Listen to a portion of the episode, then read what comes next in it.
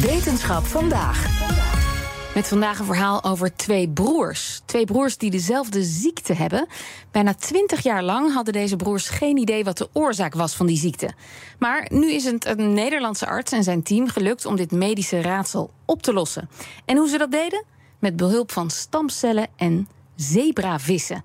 En wetenschapsredacteur Carlijn Meinders, jij kunt vast vertellen hoe dit precies zit. Dit uh, nou, begint als een spannend verhaal. Ja, dit is het werk van Stefan Barakat en zijn team. Hij werkt als arts, als klinisch geneticus in het Erasmus MC. En daar ziet hij heel veel patiënten met zeldzame genetische aandoeningen. En die zeldzame aandoeningen, ondanks dat ze zeldzaam zijn, komen toch vrij frequent voor. Zo'n 5 tot 8 procent van de Nederlandse bevolking heeft een zeldzame aandoening. Dus dat zijn alles bij elkaar toch wel wat. En die mensen bezoeken meestal onze afdeling om eigenlijk de oorzaak van hun zeldzame ziekte te gaan vinden. En vaak zijn dat verhalen van mensen die al vele jaren langs heel veel dokters uh, trekken in een lange odyssee, omdat die er maar niet uitkomen en, en niet een goede diagnose kunnen stellen. Ja, dat moet, me, dat, dat moet, moet heel verschrikkelijk zijn als je geen idee hebt waar je klachten vandaan komen. Ja, ja echt vreselijk. Uh, maar zo kwamen dus ook die twee broers op zijn pad. Dit verhaal begon eigenlijk met twee jongetjes hier uit de regio, die al heel lang bij onze afdeling komen. Die kwamen voor het eerst toen ze een jaar of twee waren. Inmiddels zijn het echt uh, ja, tieners, bijna twintig jaar oud. En die kwamen vanwege het probleem dat ze eigenlijk in eerste instantie een ontwikkelingsachterstand hadden dat ze nou ja, wat langzamer gingen leren lopen.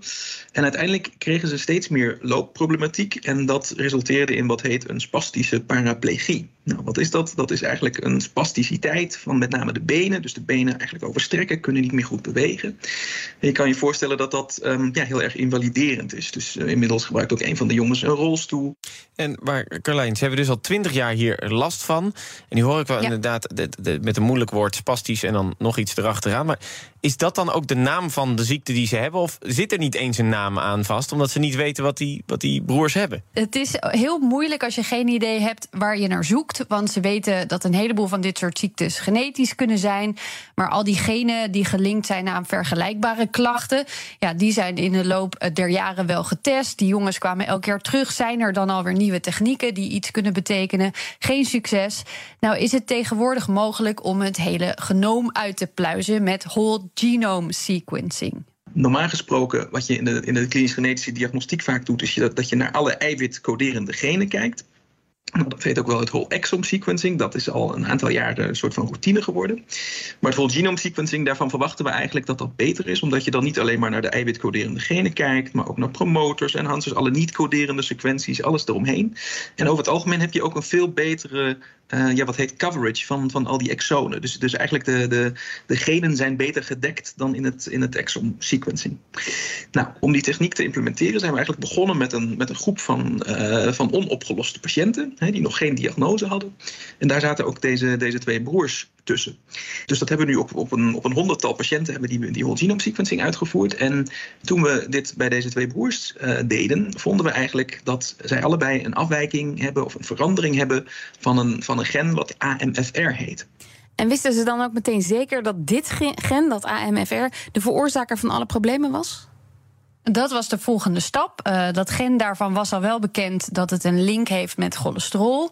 Maar het was nooit eerder gelinkt aan ziekte. We komen natuurlijk dit soort genen komen vaak tegen, of, of, varianten in genen waarvan we niet weten wat, wat dat nou is. Nou, dan hebben we eigenlijk één grote tool die ik altijd een beetje gekscherend de, de, Tinder voor genetici noem. En dat is eigenlijk een soort van, nou ja, echt een letterlijke matching site waar je ook met andere dokters in in de wereld in contact kan komen die misschien ook varianten in dat gen hebben. En vonden ze zo via dat Tinder inderdaad nog meer patiënten?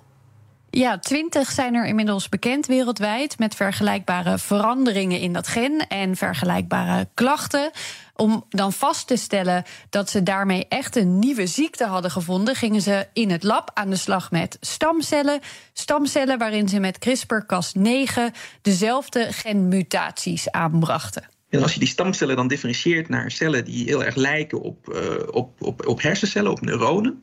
Wat we dan eigenlijk zagen was dat die cellen een soort van cholesterolstapeling kregen. Dus ze hebben eigenlijk te veel cholesterol.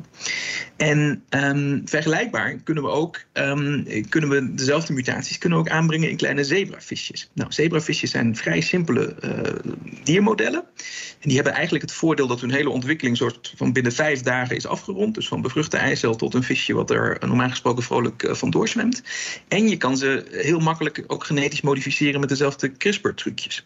Dus ook daar hebben we dat AMFR-gen uitgeschakeld. En toen we dat deden, zagen we ook dat die visjes nou, dezelfde cholesterolstapeling kregen, net als die cellen van de mens. Maar ook dat ze um, nou ja, tekenen van spasticiteit krijgen. Dus ze kunnen nu echt zeggen: het komt, die ziekte van die broers, door de problemen met dat ene gen. Ja, ja, dan is de volgende vraag natuurlijk: kan deze, kunnen deze broers, maar deze hele groep patiënten dan ook geholpen worden? Mm er was die link met cholesterol. Dus hebben ze bestaande veelgebruikte medicijnen die cholesterol verlagen aan die visjes gegeven. En toen zagen ze dat die klachten verdwenen. Dit is nog niet in mensen getest, maar het voordeel is wel dat het om een bestaand medicijn gaat natuurlijk. Nou kan het wel zo zijn dat blijkt dat deze behandeling vooral in jonge jaren, als neuronen en vertakkingen nog aan het groeien zijn, werkt dan zouden die twee broers er niet meer echt mee geholpen zijn. Maar het geeft ze wel eindelijk duidelijkheid. En het vertelt de hele familie en de families van andere patiënten die dit hebben. Ja, dat het iets is om rekening mee te houden. Bijvoorbeeld bij beslissingen nemen over het wel of niet uh, kinderen proberen te krijgen. Ja. En zo lossen we steeds weer zo'n klein stukje van die enorme puzzel op. Dankjewel, Carlijn Meinders. Ook Bas van Werven vind je in de BNR-app. Ja, je kunt live naar mij en Iwan luisteren tijdens de ochtendspits. Je krijgt een melding van Breaking News. En niet alleen onze podcast Ochtendnieuws, maar alle BNR-podcasts vind je in de app. Download nu de gratis BNR-app en blijf scherp.